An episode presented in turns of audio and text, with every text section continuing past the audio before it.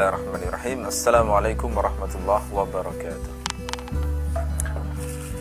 Alhamdulillah Wassalatu wassalamu ala rasulillah Sayyidina Muhammadin wa man La hawla wa la quwwata illa billah. Allahumma adfa'na wa muslimin Wa salihin wa Baik, topik kita pada uh, hari ini adalah membahas tentang sholat gerhana.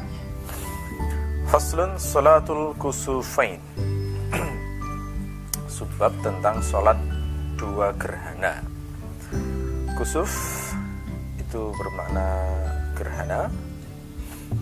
Uh, Kusufain maknanya adalah dua gerhana. Yang dimaksud di sini berarti gerhana matahari dan gerhana bulan. Wassalatul kusufi sunnatun muakkadah. Salat kusuf atau salat gerhana adalah sunnah muakkad. Jadi hukumnya sangat dianjurkan, bukan wajib. Fa'in fatat lam tuqda. Kalau misalnya terlewat, ya fata bermakna terlewat. Lam tuqda, maka tidak dikodok. Jadi maksudnya tidak disyariatkan untuk di ada beberapa sholat sunnah yang disyariatkan di kodok tetapi untuk sholat kusuf. Ini termasuk sholat yang tidak disyariatkan untuk di kodok contoh hal sunnah yang, di, yang disyariatkan kodok itu adalah sholat rawatib. Jadi, sholat rawatib itu misalnya sampai terlewat maka disyariatkan untuk mengkodok seperti Rasulullah. Ketika beliau Eh, terlewat tidak sholat uh, setelah setelah zuhur atau sebelum asar ya saya lupa. Kemudian beliau mengkodoknya setelah asar. Nah ini menunjukkan berarti sholat rawatib itu disyariatkan untuk dikodok. Termasuk juga sholat malam misalnya kebiasaannya sudah menjadi wiridnya sholat uh, malam kemudian misalnya berhalangan sakit dan sebagainya maka bisa dikodok uh, di siang hari di waktu tapi untuk sholat gerhana ini ketika sudah terlewat maka tidak perlu mengkodoknya karena tidak ada syariat untuk melakukannya. Wa yusalli li kusufi syamsi wa qamari rak'ataini. Seorang mukmin itu melakukan sholat untuk gerhana matahari dan gerhana bulan dua rakaat. Ini biasanya kebanyakan para fukaha itu memakai istilah untuk gerhana matahari itu dengan lafat kusuf, memakai uh, huruf kaf kusuf. Sedangkan untuk gerhana bulan itu memakai huruf kho khusuf. Ini hanya kebiasaan saja tetapi secara bahasa Arab itu sebenarnya boleh dibolak-balik. Ya, boleh dibolak-balik. Orang boleh menyebut gerhana matahari kusuf boleh juga khusuf secara bahasa. Arab gerhana bulan boleh dipakai kata khusuf boleh juga disebut kusuf.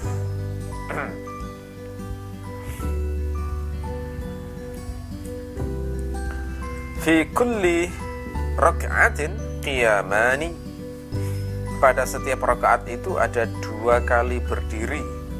Ya qiyamani dua kali berdiri dari kata qama ya, bermakna berdiri. Maksudnya dua kali berdiri itu adalah berdiri untuk membaca al-fatihah dan membaca surat karena pada saat sholat gerhana itu setelah membaca Al-Fatihah dan surat lalu ruko. Ya. Pada saat iktidal itu bukan membaca doa iktidal sami Allahu liman hamidah bukan, tetapi membaca Al-Fatihah dan membaca surat lagi. Makanya dikatakan ada dua kali berdiri kiamani yutilul qira'ah fihima yang uh, dia memanjangkan. Dari kata atala atala yutilu dia memanjangkan al-qiraah fihima memanjangkan bacaan maksudnya bacaan Al-Qur'an. Yakni Al-Fatihah dan surat pilihan fihima pada dua eh, pada dua berdiri ini. Waruku'ani dan dua rukuk. Ya, waruku'ani dan dua rukuk. Yutilu tasbiha fihima. Yang mana dia itu memanjangkan tasbih pada dua rukuk tersebut. Berarti sholat gerhana itu ada dua gerakan yang dilakukan dengan uh, durasi yang lama yaitu berdiri dan rukuk. Nah, melamakan salah satu dari gerakan sholat atau beberapa gerakan sholat ini itu memang beda-beda tergantung dari uh, sholat yang dilakukan seperti pada sholat gerhana ini maka dalil menunjukkan bahwa yang dipanjangkan adalah berdirinya dan rukuknya sementara kalau untuk sholat malam itu yang dikenal panjang itu adalah berdirinya. Yang mulai itu berdirinya lebih panjang daripada rukuknya lebih panjang dari gerakan-gerakan yang lainnya. Sementara kalau untuk sholat-sholat biasa itu biasanya yang dipanjangkan adalah sujudnya. Ya sujudnya. Ini bermacam-macam makanya sholat malam itu uh, yang istilah yang dipakai itu untuk menyebut gerakan sholat yang paling menonjol qiyamul lail ya. Itu kan makna bahasanya berdiri di malam hari. Kenapa? Karena berdiri lama itu adalah unsur yang paling menonjol pada sholat malam. Dunas sujud ya, selain sujud. Artinya sujud tidak selama ya tidak selama berdiri dan ruku itu. Wa yakhtubu ba'daha khutbatain. Dan berkhutbah sesudahnya dengan dua buah khutbah. Dengan dua dua kali khutbah. Ya. jadi syariat sholat gerhana itu sederhana saja. Intinya sholat dua rakaat kemudian setelah selesai sholat dua rakaat berkhutbah dua kali. Itu saja hanya saja untuk sholat dua rakaat ini itu me, apa itu namanya sholat dua rakaat ini me, dipanjangkan saat berdirinya dan saat rukuknya ya. apa dalil dari ketentuan yang kita uh, baca tadi? Dasarnya punya hadis. Salah satunya adalah riwayat Al-Bukhari dari Aisyah. Beliau mengatakan qalat khasafat asy-syamsu fi ahdi Rasulillah sallallahu alaihi wasallam fasalla Rasulullah sallallahu alaihi wasallam bin nas فقام فأطال القيام ثم ركع فأطال الركوع ثم قام فأطال القيام وهو دون القيام الأول ثم ركع فأطال الركوع وهو دون الركوع الأول ثم سجد فأطال السجود ثم فعل في الركعة الثانية مثل ما فعل في الأولى. ثم انصرف وقد انجلت الشمس فخطب الناس فحمد الله وأثنى عليه ثم قال إن الشمس والقمر آيتان من آيات الله لا يخسفان لموت أحد ولا لحياته فإذا رأيتم ذلك فادعوا الله وكبروا وصلوا وتصدقوا Aisyah mengatakan matahari pernah mengalami gerhana pada masa Rasulullah Shallallahu Alaihi Wasallam. Ini kalau kita kaitkan riwayat-riwayat yang lain, matahari mengalami gerhana di masa Nabi itu adalah bertepatan dengan kematian putra beliau yang bernama Ibrahim. Yakni putra beliau yang didapatkan dari seorang wanita Mesir yang bernama Maria. Ya. Bahasa kita Maria cuma karena bahasa Arab dilafalkan jadi Maria Maria karena berasal dari orang Koptik maka uh, beliau disebutkan Maria Al-Qibtiyah. Ini wanita yang merupakan hadiah dari Raja uh, Mesir ya. Mukaukis dari Mesir yang diberikan kepada Rasulullah tapi statusnya memang bukan istri bagi Rasulullah. Statusnya adalah uh, hamba sahaya. Sementara dalam Islam hamba sahaya itu memang boleh digauli sebagaimana istri. Nah, dari dari wanita ini maka Rasul mendapatkan satu-satunya anak selain dari Khadijah. Karena istri istri Nabi yang lain itu tidak ada yang sampai memiliki anak bersama Rasul. Jadi Rasul itu menikah dengan Khadijah, punya sejumlah anak. Kemudian setelah Khadijah meninggal, beliau menikah dengan banyak wanita, sembilan totalnya. Itu tidak ada satupun yang punya anak. Ya. Dan hanya dengan Maria ini, beliau memiliki satu anak laki-laki. Maka bisa dibayangkan betapa bahagianya, betapa gembiranya Rasulullah ketika mendapatkan anak laki-laki ini dan beliau memberinya nama dengan nama uh, Nabi apa panutan uh, umat Islam yakni Ibrahim. Ya ini sesuai anjuran Nabi juga ketika memberi anak itu diberi nama dengan nama orang-orang saleh. Biar apa? Ya biar anak ini terdorong nanti yang menjadi orang saleh. Itu cara pikir seorang mukmin ya. Bukan bagaimana membuat nama terkeren di telinga manusia yang tidak dipertimbangkan kesalehannya ya, keren di sisi Allah itu ya maksudnya keren di sisi Allah itu. Makanya kadang-kadang nama yang diberikan orang-orang soleh itu sederhana-sederhana sih. Dipakai nama-nama Nabi ya, biar anaknya itu bisa mengikuti kesalehan eh, nabi-nabi uh, tersebut. Tetapi sebagaimana sudah menjadi sunnatullah, namanya seorang nabi itu pastilah ujiannya itu paling berat di kalangan uh, dibandingkan dengan seluruh manusia. Seorang nabi itu ujiannya paling berat, maka ketika beliau sudah bergembira memiliki anak itu, segera saja Allah mengambil anak kesayangannya itu di usia yang belum terlalu besar jadi masih masih lucu-lucunya sekitar dua tahunan lah masih lucu-lucunya masih menggemaskannya anak itu kan sia-sia begitu ya. Itu gak besar sedikit mah itu sudah mulai menguras emosi ya. Karena sudah banyak hal yang apa yang uh, tingkah lakunya yang kadang-kadang tidak sesuai dengan alam pikir orang dewasa. Seharusnya begini dia begitu. Gitu ya. Ketika masih kecil itu masih sering jadi hiburan ya. Pulang ke rumah dalam badan capek lihat anak lucu itu jadi hilang semua rasa capeknya hilang. Makanya eh, eh, ketika Rasulullah mendengar berita anaknya itu sakit maka beliau langsung eh, mendatanginya. Ternyata uh, sudah nazak itu sudah menjelang kematiannya. Nah, ketika dipangku oleh Rasulullah terkulailah badan si anak itu. Sudah tercabut nyawanya diambil oleh Allah dan Rasulullah meneteskan air mata. Maka beliau berkata kepada sahabat-sahabatnya ketika sahabatnya bertanya apakah engkau menangis wahai Rasulullah?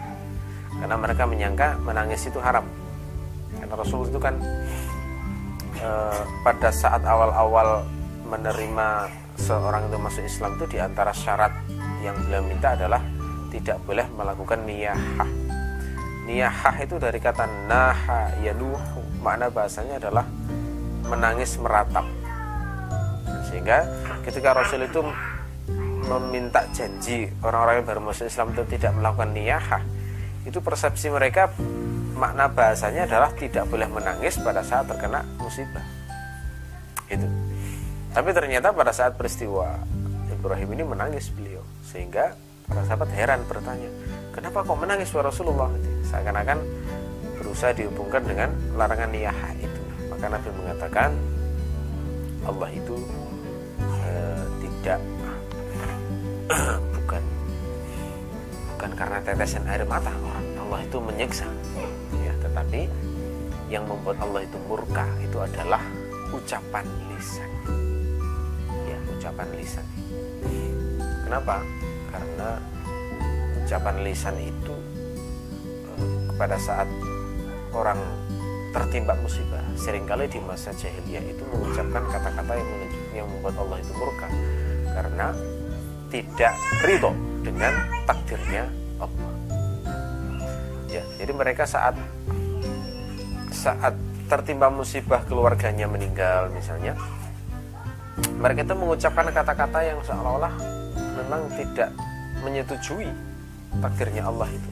Kenapa kok cepat sekali mati kenapa? Cepat sekali meninggalkan kami. Kemudian memukul-mukul dada merobek-robek baju mencabut rambut. Yang semacam itu yang sangat dibenci oleh Allah. Ya jadi mengucapkan kata-kata yang membuat Allah itu menjadi murka karena tidak ridho dengan ketentuan Allah. Jadi yang sebenarnya di dicela oleh Islam itu bukan semata-mata nangisnya tetapi perbuatan yang mengiringi tangisan yang menunjukkan tidak ridho dengan takdirnya Allah. Dan hari ini masih banyak semacam saya pernah di rumah sakit mendengar cerita yang sangat keras dari seseorang yang gulung-gulung ya. Bergulung-gulung di lantai rumah sakit karena kerabatnya meninggal dunia sambil mengucapkan kata-kata kenapa cepat mati? Kenapa sekarang? Gitu gitu. Ya, semacam ini yang masuk niyah yang termasuk dosa besar ya. yang Allah sangat murka dengan ucapan-ucapan semacam itu maka Nabi pada saat Ibrahim ini meninggal yang mengatakan uh, al-ainu tadma wal qalbu yahzan. Mata itu mengeluarkan air dan hati itu bisa bersedih. Walan uh, walan naqula illa ma yurdi rabbana. Tetapi kita tidak akan mengucapkan apa pun kecuali yang membuat ridho Tuhan kita. Itu kan intinya berarti di lisan itu ya. Lisan ini yang membuat Allah bisa murka bisa juga membuat Allah itu uh, ini termasuk salah satu dalil menunjukkan bagaimana Islam itu sangat memperhatikan ucapan sehingga jangan sekali-kali meremehkan apa yang telah diucapkan oleh lisan manusia. Nah setelah Ibrahim ini meninggal dan Rasulullah memberikan kabar gembira bahwa pengasuhnya yang menyusuinya itu dikabari masuk surga. Ya. ini ya, menyusui anaknya Nabi masuk surga, masya Allah makanya. Kadang orang itu ketika berbuat baik, termasuk di antara dalil eh, mengutamakan berbuat baik kepada orang-orang yang dekat dengan Allah. Kadang-kadang dia itu keseret. Mendapatkan kebaikan yang barangkali jauh di atas persangkaan. Ya, menyusui ini kan sebenarnya biasa saja di masa.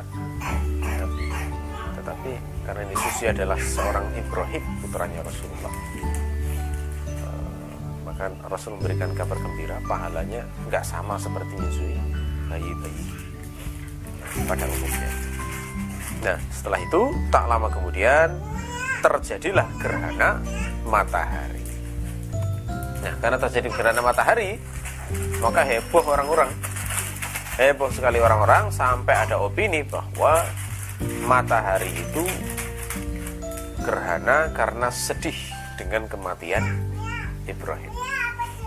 Jadi dari dulu ternyata nalar otak adik maduk itu juga ada ya, ada. Dan dari dulu itu ada dan e, yang semacam ini yang ketika ini adalah sebuah kebatilan maka dijelaskan dalam Islam. Makanya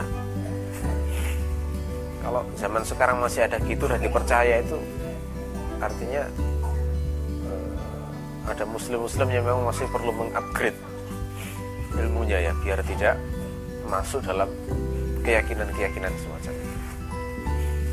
Yang sering terjadi itu menghubungkan musibah dengan jam lalu dikaitkan dengan ayat-ayat Al-Quran. Gitu ya. misalnya terjadi gempa. Gempa jam berapa? Misalnya jam 11 lewat 25 menit. Maka bukalah surat ke-11 ayat ke-25 apa isinya? Udah ditafsiri macam-macam sudah. Nah makanya ya ini kan udah adik maduk ya semacam. Ini mirip seperti keyakinan ilusi-ilusi di Jawa misalnya seperti meyakini kayak kalau uh, kecoa eh kecoa cicak jatuh nanti. Itu adalah pertanda ini ketika ada keper datang ke rumah kemudian itu tandanya ada tamu datang dan sebagainya. Ilmu tak adik madu itu tidak dipandang ilmu dalam Islam. Masuk khurafat memang. ya termasuk khurafat yang harus dibuang dari benak seorang muslim karena memang tidak ada itu. Dan Rasul sama sekali tidak menggunakan kesempatan uh, karena opini manusia itu demi untuk memperbesar diri. Karena begini ya ini termasuk prinsip penting bagi kita seorang muslim. Seorang hamba Allah sejati itu yang disibukkan hatinya itu disibukkan bagaimana membesarkan nama Allah bukan membesarkan jadi tidak pernah berusaha tampak besar di tengah manusia. Seperti Rasulullah ini nggak peduli beliau apakah nanti di tengah-tengah manusia itu citranya besar atau kecil. Karena yang jadi yang selalu merisaukan pikiran beliau adalah bagaimana membuat nama Allah ini menjadi yang terbesar di tengah-tengah makanya tidak pernah risau dengan hinaan manusia, celah manusia, tidak pernah risau juga bagaimana citra beliau di tengah-tengah manusia. Selama beliau memastikan bahwa Allah lah nanti yang akbar, yang paling besar, yang paling agung. Ya.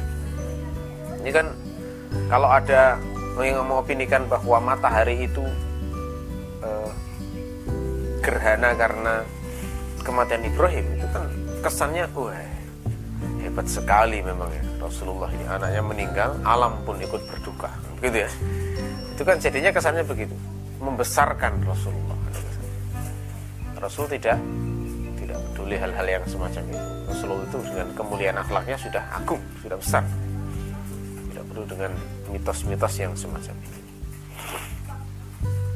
Kadang-kadang di masyarakat ini Nauzubillah min semoga kita selamat dari dia. Kalau ada kisah-kisah yang kadang dilebaikan tentang kita, itu sering kali e, orang itu tergoda untuk mendiamkannya biar kita e, tetap terlihat besar di mata manusia. Padahal itu berita bohong tentang kita. Ya, itu nggak boleh kayak gitu. Kalau salah harus diluruskan. Tidak boleh demikian. Saya mengalami di masyarakat ada kecenderungan itu kadang membesar-besarkan sesuatu yang nggak sesuai kenyataan pernah saat saya KKN di Singosari dulu uh, saya berkunjung ke beberapa orang biasa kan saya mencari tahu informasi siapa ulama-ulama di dekat sana siapa orang-orang yang berjasa dalam hal penyebaran Islam di sana. Terus di antara salah satu infonya adalah saya dikenalkan oleh salah seorang hafid di sana hafid di sana. Wah, itu yang mencerita memang beliau dikenalkan nih dikenalkan dengan sangat hebat gitu ya. Kemudian orang ini beliau ini menghafalkan Quran itu cepat sekali enam bulan. Sudah hafal.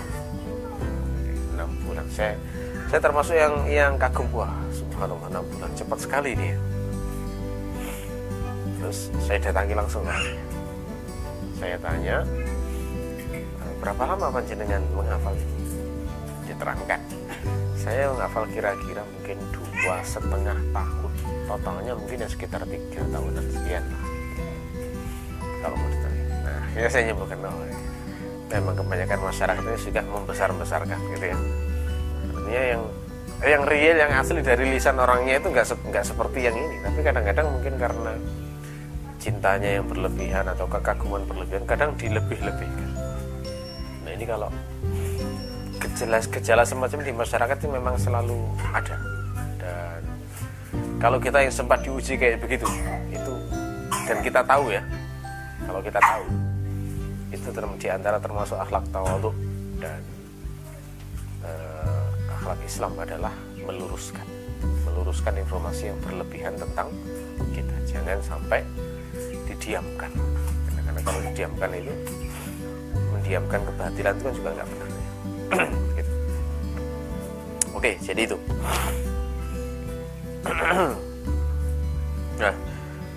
saya lanjutkan uh, hadisnya. Jadi pernah terjadi gerhana matahari di masa Rasulullah SAW, maka Rasul pun sholat mengimami orang-orang dan beliau pada sholat ini berdiri lama, kemudian beliau rukuk, lalu memanjangkan rukuknya, kemudian beliau berdiri lagi, lalu memanjangkan rukuknya, tetapi di bawah berdiri yang pertama. Durasi berdiri yang pertama itu lebih panjang dari durasi yang kedua, maksudnya gitu. Kemudian beliau rukuk lagi dan memanjangkan rukuk, sementara durasinya lebih pendek dari rukuk yang pertama. Kemudian beliau sujud, memanjangkan sujud, kemudian melakukan pada rakaat yang kedua seperti yang beliau lakukan pada rakaat pertama, lalu kemudian beliau berpaling, sementara matahari ini telah e, menjadi terang kembali. Berarti sholat gerhana Rasulullah itu dilakukan selesai itu sudah selesai gerhananya. Ya, ini tinggal kita cocokkan saja dengan data e, durasi gerhana matahari itu berapa ya?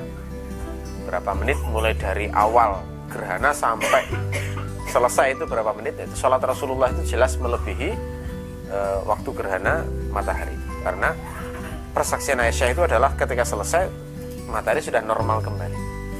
Ya, tapi kalau gerhana matahari memang saya kira nggak selama gerhana bulan ya. Kalau gerhana bulan itu kan sampai mungkin sampai 4 jam 6 jam gitu. Tapi kalau gerhana matahari mungkin hitungannya menit saja nggak sampai satu jaman gitu ya. itu lalu beliau kemudian berpidato memuji Allah dan menyanjungnya kemudian berkata sesungguhnya matahari dan bulan itu adalah dua ayat di antara ayat-ayat Allah. Tidak mengalami gerhana karena kematian seseorang atau hidupnya. Nah ini ditegaskan ya. Ini nggak ada hubungannya dengan Ibrahim Ibrahim itu orang biasa sudah manusia biasa yang jangan dilebaikan lah maksudnya begitu ya. Kalau kalian melihat hal itu maka berdoalah kepada Allah bertakbirlah dan sholatlah dan bersedekahlah. Jadi saat gerhana itu disyariatkan untuk sholat berdoa bertakbir. Jadi takbir Allahu Akbar Allahu Akbar begitu ya. Nah, berdoa juga lalu sholat dan bersedekah juga. Nah ini sedekahnya ini yang barangkali zaman sekarang yang belum terlalu kelihatan menonjol ya. Oke, jadi itu adalah dasar bagaimana disyariatkannya eh, sholat gerhana. Wa yusirru fi kusufi syamsi. Dan eh, berbicara eh, meng, berkata lirih melakukan sir dalam sholat gerhana eh, matahari. Wa yajharu fi khusufil qamar. Dan mengucapkan dengan jahar pada sholat gerhana bulan. Jadi saat gerhana matahari itu bacaannya sir pelan ya, jadi bukan keras. Dasarnya apa? Dasarnya adalah hadis yang eh, diriwayatkan At-Tirmidzi dari Samurah bin Jundab yang mengatakan Shalla bina Nabi sallallahu alaihi wasallam fi kusufin la nasma'u lahu sautan. Rasulullah Nabi salat mengimami kami pada salat gerhana matahari dan kami tidak mendengar suara dari beliau. Ini menunjukkan berarti bacaannya sir. Dan memang hukum asal dari sholat siang hari itu adalah sir seluruhnya. Seluruh sholat siang itu adalah sir. Maka kita perhatikan sholat zuhur itu sir, sholat asar juga sir, sholat e, duha dan semua sholat siang pokoknya itu dibaca dengan sir. Hukum asalnya begitu. Kecuali dalil menunjukkan dibaca keras. Misalnya sholat idul fitri sholat idul adha. Itu dibaca keras memang karena memang dalilnya menunjukkan keras. Jadi itu hanya yang didasarkan dalil saja. Maka e, untuk sholat gerhana matahari ini ketika karena matahari gerhana itu hanya mungkin di siang hari maka dibacanya adalah dengan sir kalau gerhana bulan maka dibaca dengan jahar dibaca keras itu dasarnya adalah riwayat Bukhari dari Aisyah. Jaharan Nabi sallallahu alaihi wasallam fi salatil khusufi bi qiraatihi. Rasulullah Nabi sallallahu alaihi wasallam mengeraskan uh, salat gerhana bulan ya, dalam bacaannya. Jadi ini ini dasar kenapa uh, untuk gerhana bulan itu di baca dengan jahar sebagaimana umumnya sholat sholat yang dilakukan di malam hari itu memang dibaca dengan keras ya. Seperti sholat maghrib, sholat isya, sholat subuh dibaca keras karena alam masih gelap waktu itu